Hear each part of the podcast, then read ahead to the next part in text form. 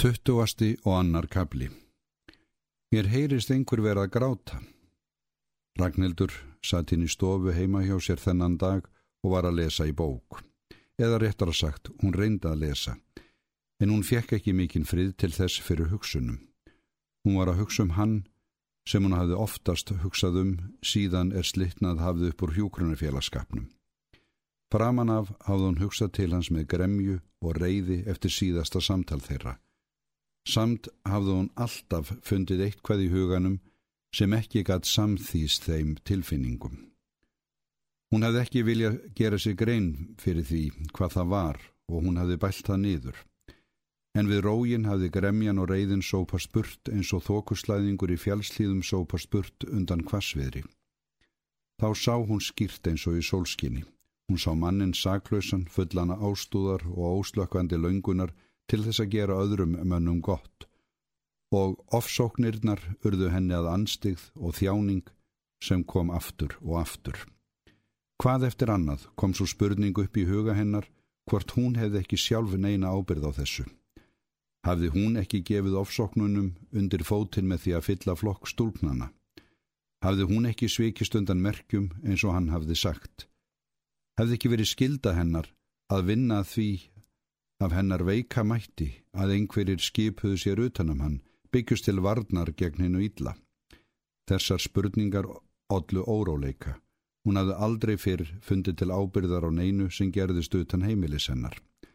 Átti ekki einhver að hjálpa og gæti ekki verið að það stæði henni nær en okkur um öðrum. Nú var barið að dyrum. Ólafur hinn markfróði kom inn. Góðan daginn.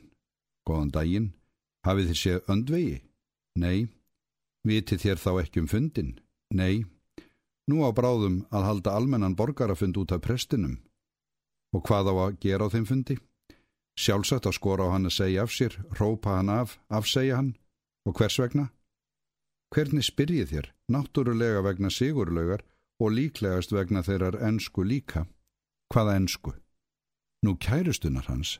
Viti þér ekki að hann hefur verið trúlafaður á Englandi og stúlkan eru orðin brjáluð út af því hvernig hann haga sér hér? Nei, ég veit það ekki, en annað veit ég. Hvað er það? Ragnhildur var staðin upp og var einn æstasta. Að þér eru það að fara með ró og ósanindi, fráleitt vísvitandi. En þetta kemur af trúgirniður og lausmælgi. Ólafur hinn markfróði varð kvumsa við og hálf sniftur. Hvaða dæmalust taki þér óstind í þetta? Hvað hef ég sagt ósatt? Ekki segi neitt um Sigurlaug og prestinn, annað en það að kunningsskapur þeirra kemur vist til greina á fundinum. En lígin um þessa ennsku stúlku? Nei, það er ekki lígi. Það veit ég frá áraðanlegum mönnum. Mér var sagt frá trúlofuninni sama kvöldi sem presturinn steg hér á land. Hver sagðiður það? E, ég mann það ekki svipinn, en ég mann að það var áraðanleg manneskja. Ég veit þá miklu meira um þetta en þér. Ég sagði yður það sjálf, ég fullirti ekkert. Ég varpaði því fram sem tilgáttu að gamni mínu í hugsunarleysi til þess að vita hvað ég heyrði það víða eftir yður. Þér hafið farið með það um bæin og úr þessu er orðin sagan um brjálsemina. Ólafur en markfróði varð hljóður við. Hann var að jafnaðu ófús á að ræða sögur sínar. Vildi ekki gera meira en segja þær og út úr þessum ógöngum hugkvæmdist honum engin leið í svipin. Eftir ofur litla þögn mælti hann, það er að minnstakosti ekki ósatt sem ég sá á götunni rétt áðan. Hann tók sér dálitla málkvíld til þess að æsa forvitnina. Nú, hvað var það sem þér sáuð? Nokkur er týjir af drengjum veittu prestinum aðsú fyrir framann búðina hans Þorbjarnar Ólafssonar. Gamli maðurinn stóð út í dyrunum og hlóm. Honum þótti vist gaman að. Hvað gerðu strákarnir þá?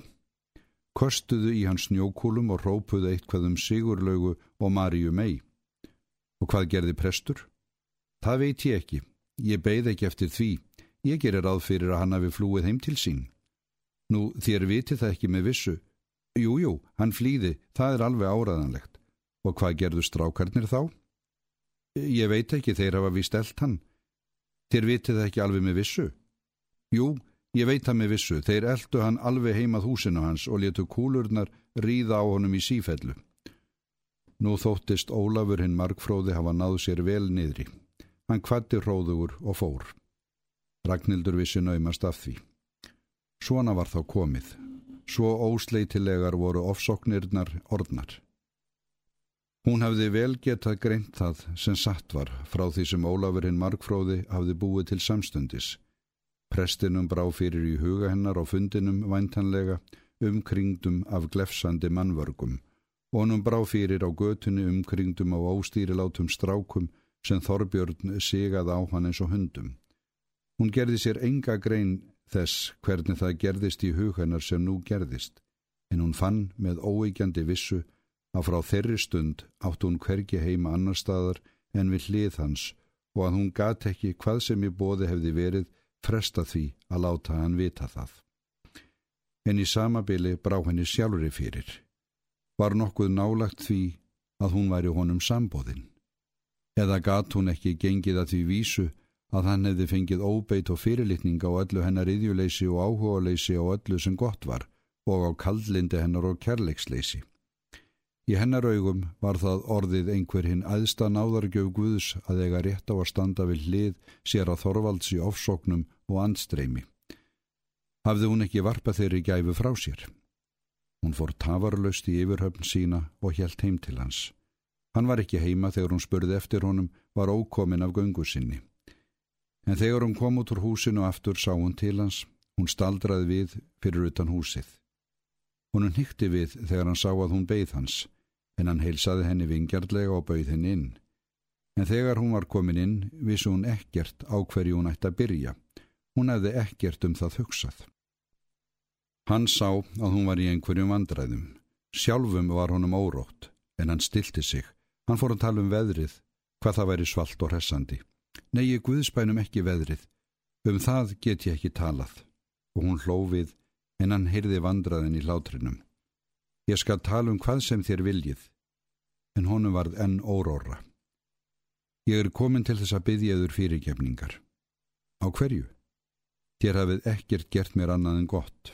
Hún helt áfram og leiti ekki upp. Ég veit að þér eru ofsóttur og að menn eina svívirða yfir saklausan. Ef þér vildu byggja með nokkurs þá er ekkir til sem mér myndi ekki vera ljúft að veita yfir. Ég vil einskis byggja. Það eina sem ég myndi byggja yfir um myndi þér ekki veita. Reyni þér, sagði hún og brosti, en hún leiti ekki upp. Hann tók um hönd hennar og hún lagði hina höndin um hálsin á honum. Hún fór frá honum eftir nokkura stund. Allar ofureflis hugsanir fundust honum þá hlægilegar og fjärstæða. Hún gati ekki undir höfuðlagst að fara og finna Sigriði ef hún væri heima. Hvaða dæmalus likur vel á þér, sagði Sigriður þegar Ragnhildur var komin inn til hennar. Hvernig veistu það, sagði Ragnhildur. Ég sé það. Ég hef aldrei séð jafn mikið sólskinn á andlitin á þér. Ragnhildur svaraði engu, en hún brosti. Þú myndi ekki hafa sæst við neitt, sagði Sigriður. Jú, nú erum við alls sátt. Hvenar ætli þið að giftast, spurði Sigriður. Hún leitt undan um leið. Við hefum ekki talað neitt um það enn. Þar þauðu báðar ofur litla stund, Sigriður leit ekki upp. Ragnhildur beigð eftir einhverjum samfagnaðar orðum. Liggur nokkuð ítla á þér, mælti hún. Mér finnst þú svo dauf. Nei, nei, nei, nei, saði Sigriður og var eins og hún vaknað af draumi. Ég óska þér hjartanlega til hamingju. Þær kistust vinkonurnar og Sigriður strauk ástúðlega um kinnin á vinkonu sinni. Þá tók hún til máls. Þú veist að mig langar ekki að jafnaði til þess að koma þér út hérðan, en ég þarf að leiðrætta nokkuð á annað hundra stíla fyrir morgundaginn. Já, nú fer ég góða, sagði Ragnhildur. Hún dáðist að samvisku sem er sigriðar, en hún gat samt ekki skilið hvernig besta vinkona hennar gat verið að hugsa um stíla nú. Þegar Ragnhildur var farin út, tók Sigriður höndum um höfuð sér og grét ofan í borðið. Var þetta ekki rángsleitni? Aldrei hafði hún viljað bregðast honum. Hún fann að meiri fjärstaði var ekki til í veröldin en svo að hún hefði nokkuru sinni geta brugðist honum, hvað sem að höndum hefði borið. Og var það ekki furðulegt að gæfa Ragnhildaskildu þurfa verða ógæfa sjálfurar hennar. Var því ekki eitthvað kuldalega fyrir komið að forsjóninni. Að Ragnhildur skildi koma inn til hennar glampanda fögnuði og særa hana því sári sem aldrei gatt gróið. Hún heyrði móður sína stinja í rúminu í herberginu innaf. Nei, nei, ekki þetta, ekki þetta, sagði Sigriður við sjálfa sig. Ég hef um nóg annað að hugsa. Hún reyndað að fara að lesa eitt stílin en hún sá ekki orðaskil. Hún fariði lampa nær sér en hún sá ekkert samt. Ertu þarna sigga mín, sagði móður hennar inn í rúminu.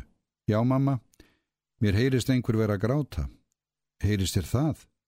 Þá leið nokkur stund. Hvernig stendur á því að mér heyrist alltaf einhver vera að gráta, sagði móður hennar aftur. Það eru sjálfsagt börnin hérna á næsta húsi. Þau gráta svo oft og annars er alltaf einhver að gráta. Jæja, það eru sjálfsagt börnin. Guði sér lof að það er ekki þú, sigga mín. Sigriður reyndi aftur að fara fástu stílana og nú gatt hún séð á bækurnar og vinnan lagði yfir hana líknar hendur sínar.